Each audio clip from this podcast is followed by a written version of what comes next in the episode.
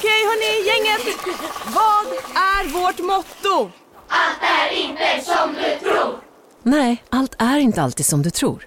Nu täcker vårt nät 99,3 procent av Sveriges befolkning baserat på röstteckning och folkbokföringsadress. Ta reda på mer på 3.se eller i din 3-butik. Redo för sportlovets bästa deal? Ta med familjen och njut av en Big Mac, McFeast eller Cooper Cheese och Company plus en valfri Happy Meal för bara 100 kronor. Happy Sportlovs deal, bara på McDonalds. Som medlem hos Circle K är livet längs vägen extra bra.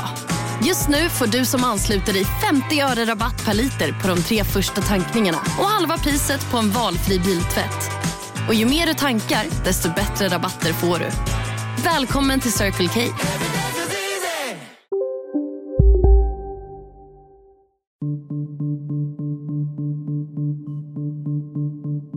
nästan allt jag skriver, i alla fall tills nyligen, var ju kritik mot media. Det är klart att de jag kritiserar förväntar jag mig inte att de ska tycka att det är kul och försöka lyfta min profil. Det jag säger är inte speciellt upplyftande, men att det, det är korrekt. Jag fick örfil av min pappa en gång när jag blev överfallen av gatupojkar för att jag hade fått stryk. För att jag inte försvarade mig. Jag bodde väl i tror fem fosterhem och en gång i ungdomshem med kriminella. Fast jag var inte kriminell. Men, eh, så, och det var en jobbig period, ja det var det. Han är invandraren som blev en av Sveriges tongivande invandringskritiker. Nationalekonomen Tino Sanandaji citeras och intervjuas flitigt i andra länder men nära nog ignoreras av etablerade medier i Sverige. Nyligen utsåg det ansedda mediehuset Politico honom till en av de 28 personer som kommer ha störst inflytande i Europa under det kommande året. Bland de övriga finns Nederländernas premiärminister och EU-kommissionens ordförande. Nyheten återgavs i alternativa medier i Sverige men i etablerade medier var det tyst. Tino Sanandaji personifierar det gamla ordspråket om att ingen blir profet i sitt eget land. Men varför har det blivit så?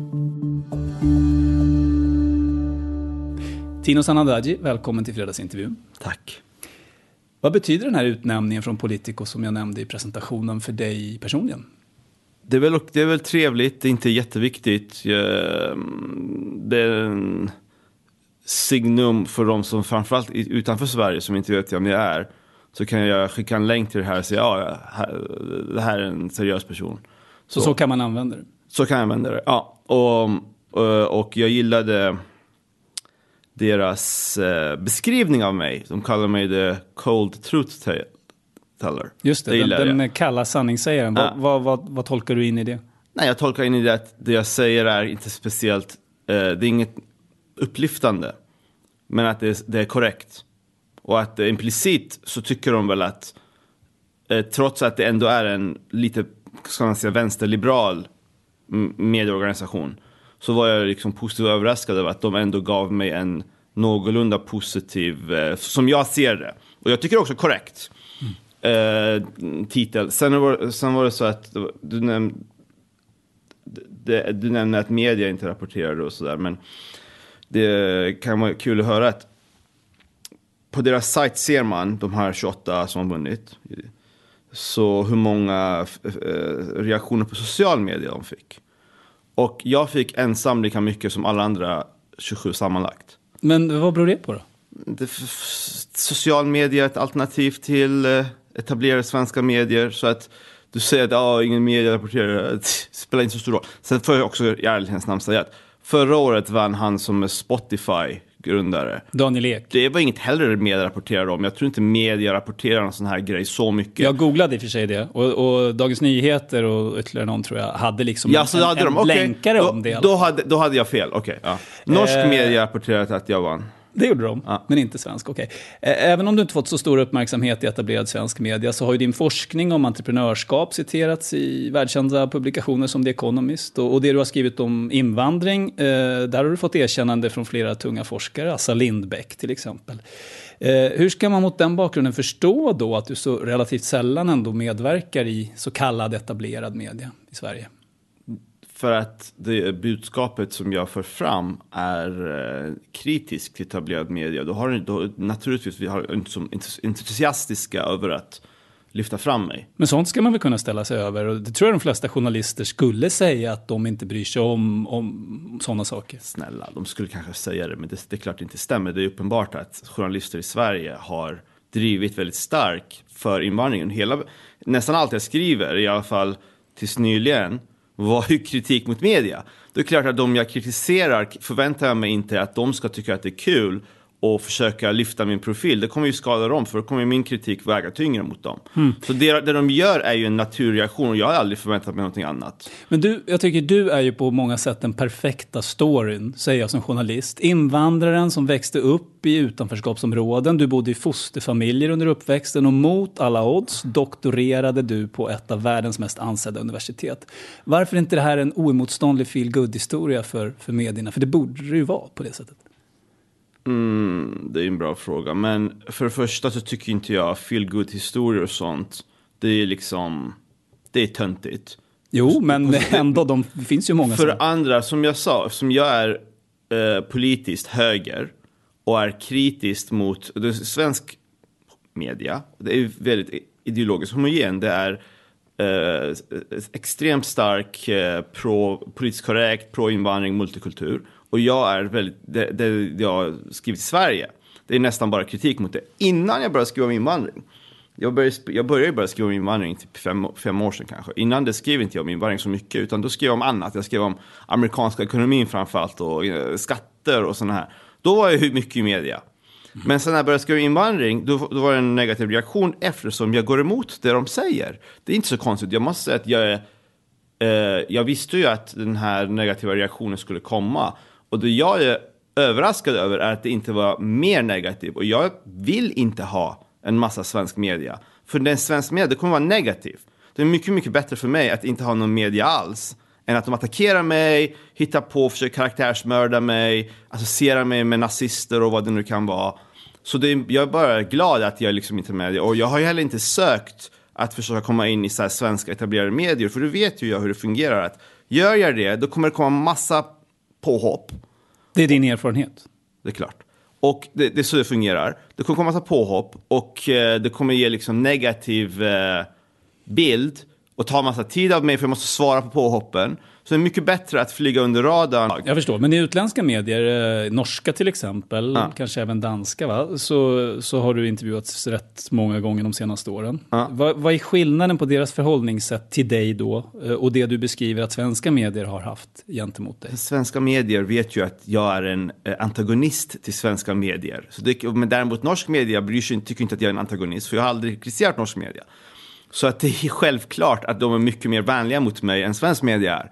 Och det, det, är liksom, om man, om man har en naiv uppfattning att journalister är ute efter att opartiskt rapportera sanningen, då, då, men det är de förstås inte, utan det är eh, ett ganska liten homogen grupp. De gillar inte kritik, hård kritik. Mot sig själva menar du? Ja, mm. och, eh, eh, och jag, upprepar, jag upprepar jag tycker inte det är speciellt märkligt att de inte eh, kastar sig över att hylla mig och höja min profil. För att då blir jag ännu äh, äh, farligare när jag kritiserar dem. Om de mm. ena dagen säger titta vad bra han är. Sen ska jag säga också att man ska inte heller överdriva för att visst, re relativt hur mycket internationell press jag har så har jag inte så mycket svensk press. Men jag absolut att har här rätt mycket svensk press också. Bara min bok har blivit recenserad i alla tidningar. Alla gav den positiva recensioner. Det hade jag inte förväntat mig.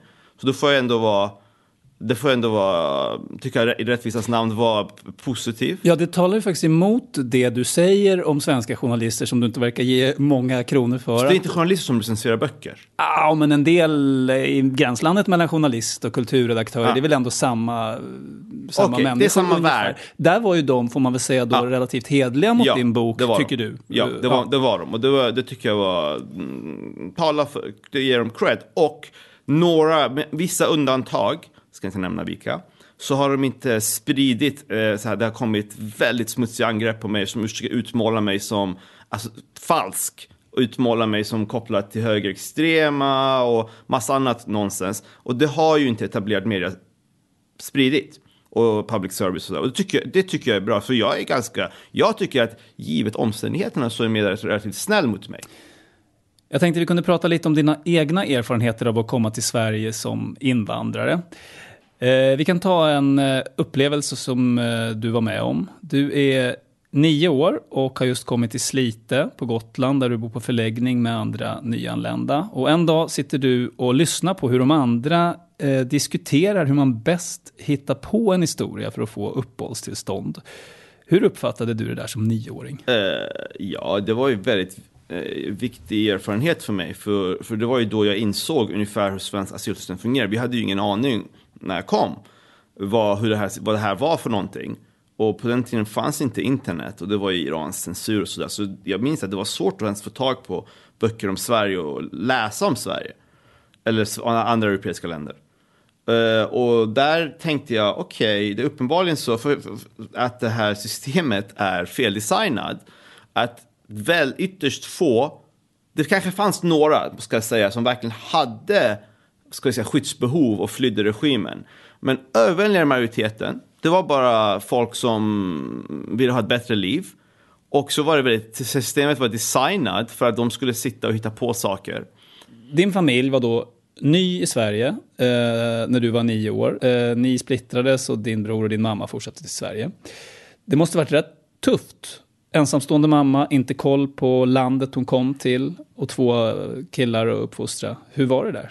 Eh, ja, det var tufft. Eh, och så här var det. Det var inte tufft i början. Utan i början var det jätteroligt. Och det ska jag säga, det, det har en praktisk anledning. Det är att Iran, på den tiden, säkert idag också, fick man fruktansvärt mycket läxor. Det var alltså sjukt. Fyra, tre, fyra timmar om dagen fick man göra läxor. Det gjorde jag. Och det slapp jag när, när jag kom till Sverige. Och det var den starkaste, från barnets perspektiv, effekten av flytten. Sen var det jobbigt för att jag inte kunde läsa böcker, det fanns inga persiska böcker. Och maten var svårt och jag minns en, min, min goda vän Atatarki också. Han, vi hade samma erfarenhet vad som, vad som var svårast med flytten. Det var den gula svenska osten. Mm. För vi är vana vid Irans fårost som är vit. Och barn kanske, och jag i alla fall. Det var svårt att uh, byta smak så. Sen, sen över tiden har jag ju förstås ändrat min smak. Eh, men i början var det kul och det fanns dataspel och Nintendo och sånt som är svårt att ta på Iran och så. Men sen vart det svårt, ja, och det, min mamma var sjuk. Jag vill inte gå in för mycket detaljer. Och det var en... Um, effekten i praktiken för oss var ju, som inte har med Sverige att göra, det är inte Sveriges fel. Men det var ju en familjeuppbrott. Som förmodligen inte skulle ha skett om de stannade i Iran. Så. Men du, du blev bland annat tvungen att hålla koll på familjens ekonomi i väldigt ja, ja. låg ålder. Hur gammal var du när du gjorde det? Tio år. Tio år så ja, var du liksom... Jag fick lära mig också laga mat och sådana här saker, för mamma klarade inte av det. Så det var, det var, det var, mm. det sen, var en traumatisk upplevelse. Ja, det måste det ha varit. Och, och sen så småningom så separerades också ni och du fick bo i fosterhem. Mm. Uh, hur gammal var du då? Eh, det var väl också 10, 11 och fram till 14, så det var i olika perioder. Så kom hon tillbaka och sen ner. Så jag bodde väl i fem fosterhem och en gång ungdomshem med kriminella. Fast jag var inte kriminell. Men. Uh, så, och det var en jobbig period, ja det var det. Och, och det, samtidigt som det här pågick så var det ju att uh, lära sig ett språk. Jag hamnade efter i skolan två år, gick inte jag i skolan. Så det var jobbigt och jag tycker inte om så mycket att tänka och prata om det. Jag förstår, men det har, måste ju ha format dig ändå. Ja, det På vilket mig. sätt tror du? Ja, det gjorde mig hård.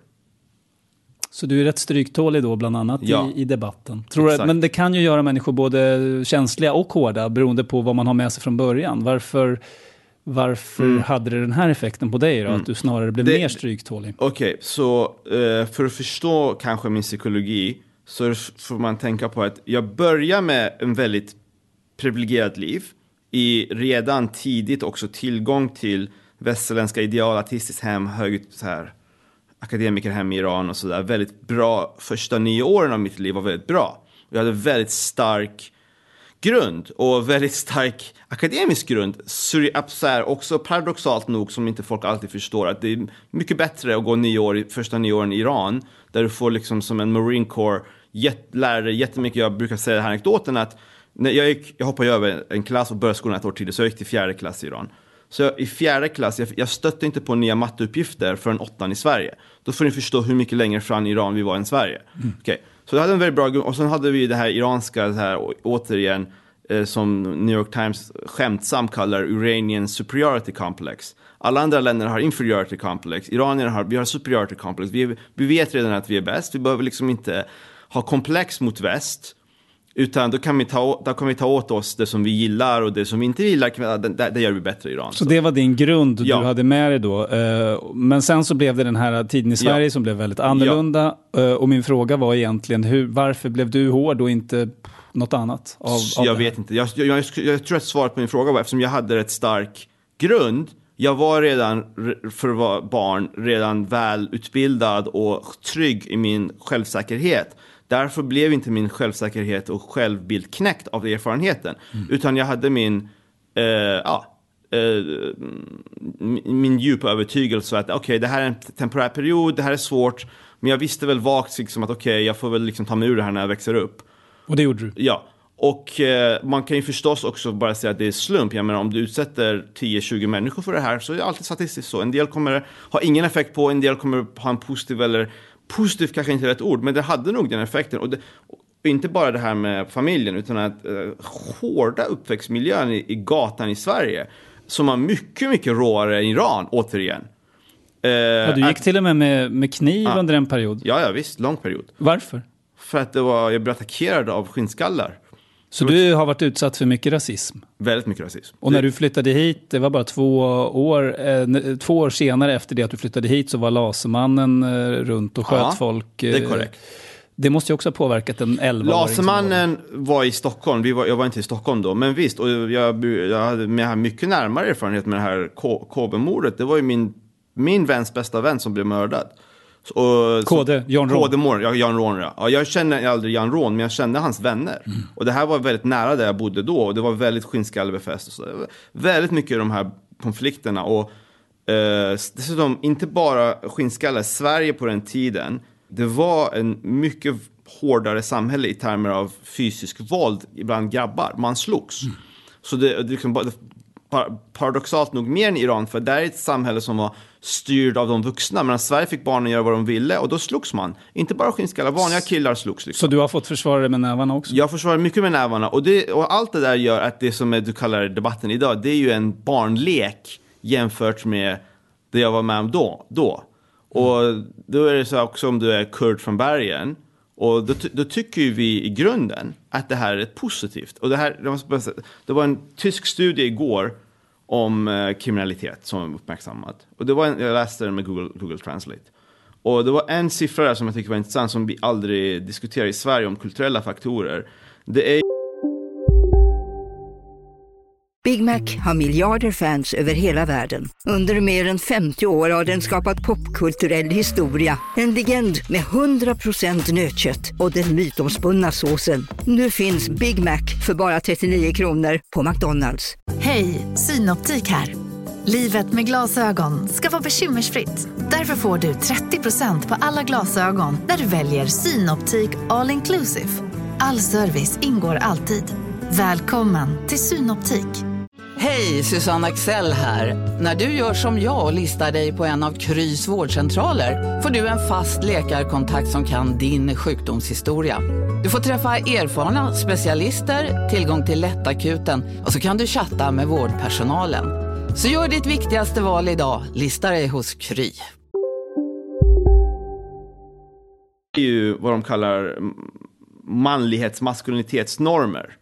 Där 2,7 procent av tyskar hade det, unga tyskar, med 15 procent ungefär av eh, invandrare från Balkan och Mellanöstern.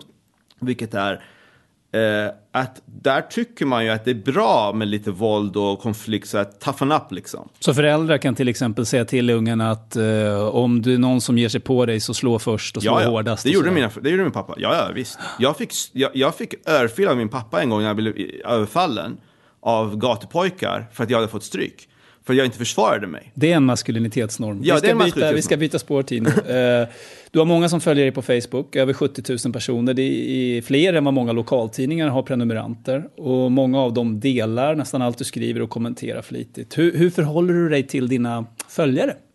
Alltså, mina följare om, är ofta väldigt, det är väldigt eh, upplysta, vänliga, artiga personer. Det finns ju en myt om att om man pratar om svansen, svansen. Då ska jag säga att det här beror ju på att jag väldigt hårt reglerar, kastar ut alla som inte sköter sig. Och, eh, för det finns ju en ilsken eh, haveristisk svans. Det kan man inte, det kan, man får vara blind för att inte se. Men som, som, drar, som, du drar till det också lite grann? Ja, det gör jag. Det är klart mm. jag drar till med det också. Speciellt i början. Men eftersom jag är så otrevlig mot dem så sticker de. Mm. Och, och, och det, jag tror att det där svansen är ett enormt problem. Men det där är väldigt sällan mina läsare. Och det, det är väldigt lätt när de, när de säger Tinos... De, de säger de andra debattörer där det finns kanske större sanning. Men om de säger Tinos svans, så brukar jag fråga, kan du visa mig en skärmbild på vad de menar? De klarar nästan aldrig av det. Det är bara att gå och kolla. Du kommer hitta, om det är 500 kommentarer kommer du hitta en eller två som är galen. Och, så mina, mina läsare är ju ofta borgerliga akademiker, en del vanligt folk så här som, som är liksom vanliga svenskar som är bekymrade. Många som inte ens är speciellt uh, politiska, bara vill ha, de, känner, de litar inte på media och vill ha trovärdiga Men låt mig ta några exempel ändå, ja. som, som bara verkligen är eh, en, en ögonblicksbild. Hur det kan låta, så här till exempel, suck. Förr spärrade man in sådana dårar på dårhus. Han verkade ju ha tappat den stora skruven som håller alla andra.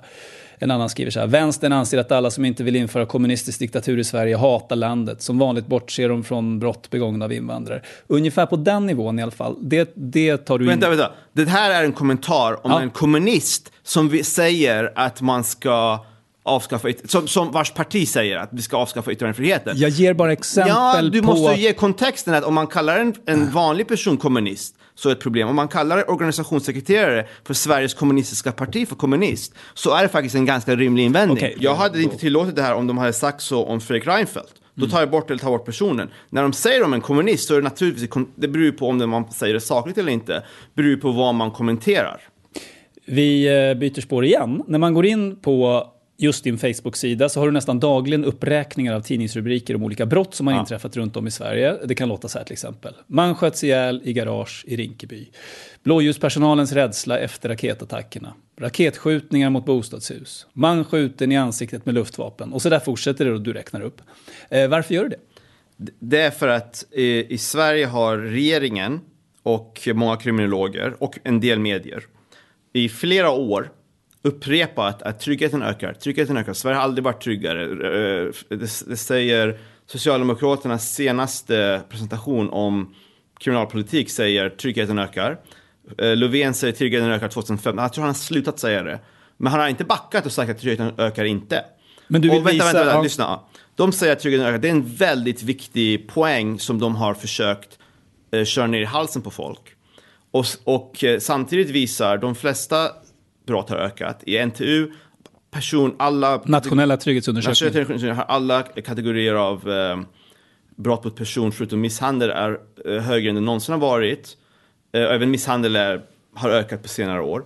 Sen har du, skjutningar har aldrig varit fler. Vi har aldrig haft så mycket angrepp mot blåljus. Vi har aldrig haft så mycket utsatt, kriminellt utsatta områden. Det finns vissa kategorier av brott som har sjunkit, som bilstölder och sånt. Men varför skriver du inte det istället för det här? Det, jag skriver båda. jo, jag vet och det. Men, jag, och, och, och, och, naturligtvis, vad de här rubrikerna är att jag tar en dag mm. i här, de här rubrikerna, eller en vecka. Och så visar jag alla brott som har hänt under den där dagen, kort. Och bara för att illustrera för folk som fortfarande, många tror ju på det här budskapet och, och som, som är falskt, bevisligen falskt. Du kan motbevisa det med statistik. Du kan också motbevisa det bara, jämför med en tidningsrubrik för 20 år sedan. Eller jämför med, med, jag har gjort det här, testat det här. Vad skulle hända om jag går in i norsk media och gör samma äh, grej, alla brott på 24 timmar i Norge? Du kommer inte få samma grejer, att det är en mord, två skjutningar och det här är inte bara ett brott, det här med poängen med rubrikerna. Det är inte bara hur många brott vi har. Det är brotten blir också grövre i många fall, mer hänsynslösa, det är brott mot äldre, det är brott där det är 50, 40, 30 personer som gäng attackerar någon. Det är liksom inte, det är en annan typ av brottslighet. Men vill det förnekar de också. Vill du koppla ihop det här på något sätt med att Sverige har haft en stor ja. asylinvandring ja. och dessutom ja. en dålig integration? Ja, korrekt. Det här, det här är till stor del i vissa fall uteslutande en följd av invandring eftersom brottsligheten samtidigt sjunker bland etniska svenskar. Och den, många av de här brottstyperna, hedersmord, sådana här saker som nu hade vi igår eller förrgår, det skrevs ju inte om men jag kanske gör det sen. Då var det 40, 30, mellan 20 och 50. enligt Expressen, tjetjener som åker in till en ort i norra Skåne för att ha, eh, attackera yazidiska kurder som en del av en uppgörelse. Det här är klanstrider. Det är in, Sverige har haft brott, alla länder har haft brott. Men både typen av brott och mängden brott har förändrats. Sen har ju invandringen haft en... Eh, vi har haft en period sen slutet av 80-talet där de flesta brott har sjunkit i alla västländer. Eh, mord har halverats per invånare. Dödligt våld har halverats i USA, det har halverats i Västeuropa. Kan... I Sverige har det halverats, det håller på också samma trend. Och det verkar vara så att det är samma trend, om inte en starkare, bland etiska svenskar. Men på senare år, eller samtidigt, så sker en motsatt trend som bygger på invandringen. De här svenska killarna då, som, bland killarna som slogs när de var 15 på vår tid. De mötte. har blivit hipsters, de spelar dataspel. Men samtidigt får vi en helt annan typ av kriminalitet. Gängbrott, som jag sa, som, som klanbrott, hedersmord, eh, anstiftning till könsstympning, att man gifter bort barn och så vidare. Den kriminaliteten kommer, kommer annat och det förnekar, när, när regeringen, media, kriminologer förnekar det här.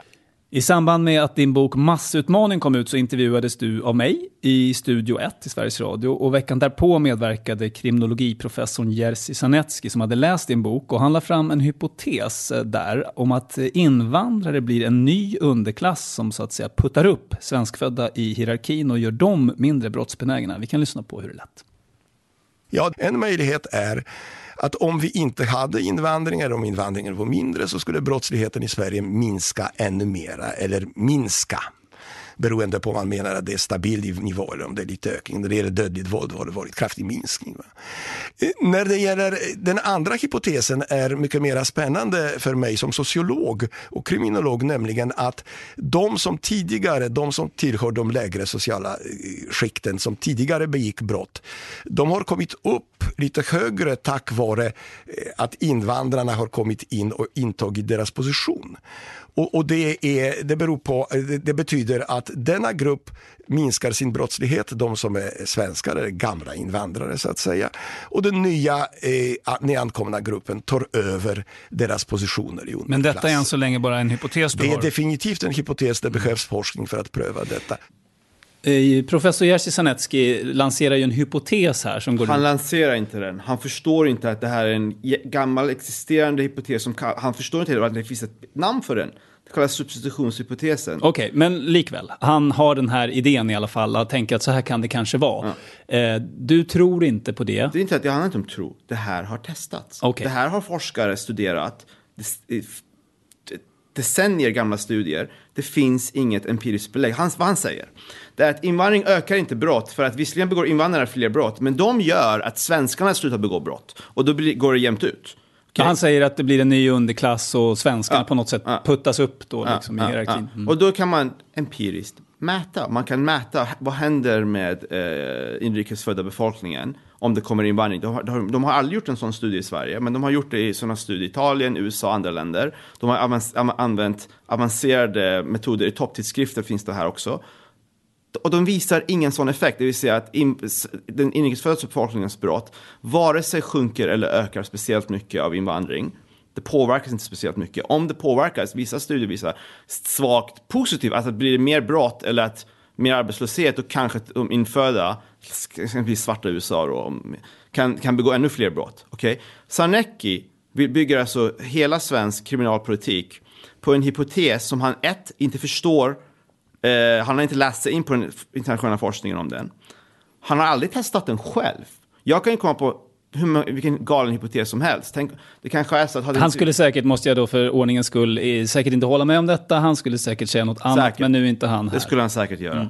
Han skulle säga, man, liksom, om, man kan alltid förneka om man har en övertygelse som är emotionell. Och här skulle man ju, en um, forskare skulle säga så här att allt är ju möjligt. Vi måste ju, alla hypoteser är möjliga. Vi ska vara generösa när vi tar fram hypoteser. Sen ska vi vara stringenta när vi testar de här hypoteserna. Jag kan ju inte bygga en landspolitik på en hypotes, hur gammal är han? 70 år, som jag inte ens, jag har inte ens testat den. Då säger vi så här, eh, och jag sammanfattar dig så här att eh, den stora invandringen till Sverige är i praktiken också en import av mer brottslighet. Det är vad du menar då? Ja, visst. Och om det är så, varför låter då Sverige och svenska politiker det ske? Menar du att de inte förstår det eller förstår de det och låter det ske ändå? Eller vad, hur ska man förstå det? Alltså, för det första är det så att man kan, de kan inte styra över konsekvenserna av invandring. Och de vill ha invandring, till exempel då av humanitära skäl. Okay? Så leder det till högre brottslighet. Eh, det är inte så att de kan sitta i gränsen och veta i förväg vem som kommer att begå brott. Det går inte. Det är en konsekvens. Och det, det, man kan ju säga att vi gör det ändå. För att vi tycker att eh, vi kan hantera lite högre brottslighet. Det är inte, det är inte så att, de, att eh, den här analysen av invandringens konsekvenser, socioekonomiska konsekvenser, med nödvändighet påverkar invandringspolitiken.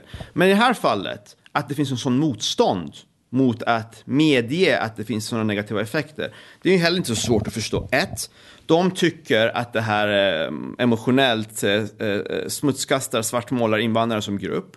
En del rasister använder ju, de har gjort det tidigt, brottslighet och folk är inte alltid rationella, så då säger de vad det här säger är, ah, bland invandrare säger vi 1% som begår våldsbrott, bland, eller 5% säger vi. Det är 5% av männen som begår våldsbrott, bland svenskar är det 2%.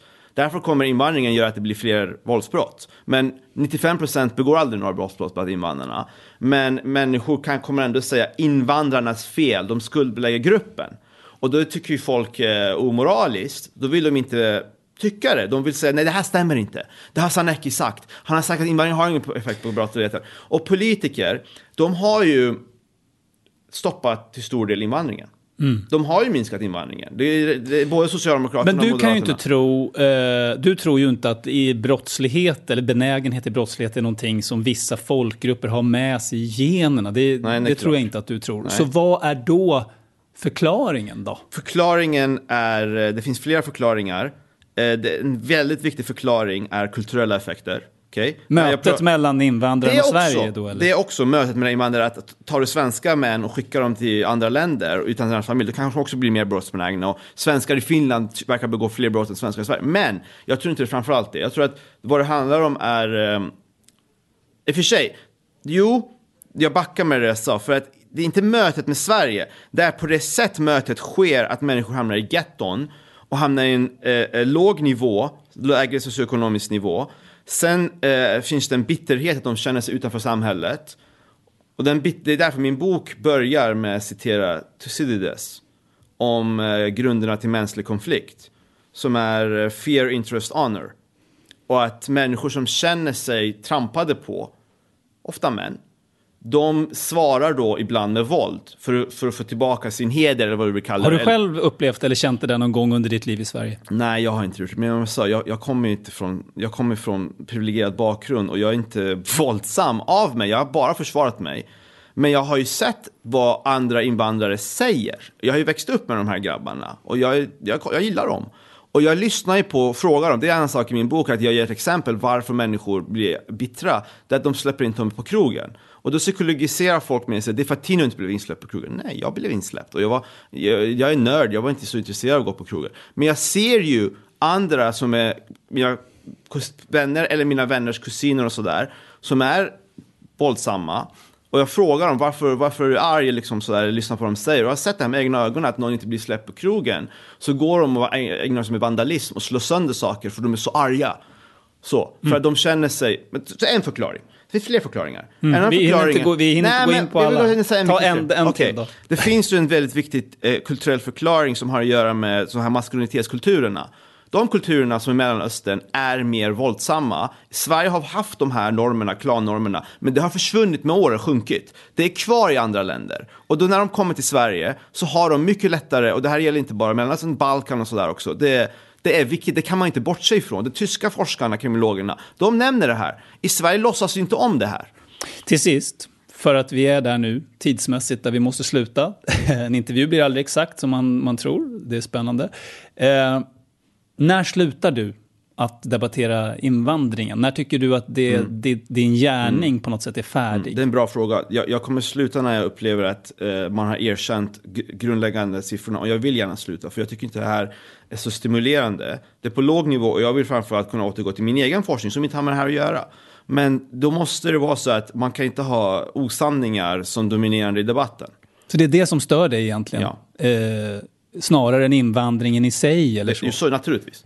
Men, och jag tror också att det kommer ske. Jag tror att, och jag sa det här två år sedan, masspsykosen är snart slut. Jag tror att det kommer ta tid. För det är en väldigt starka mm, intressen som har haft fel. De inte medger det. Och samma människor är kvar och styr megafonerna. Men verklighetens tyngd tränger sig på.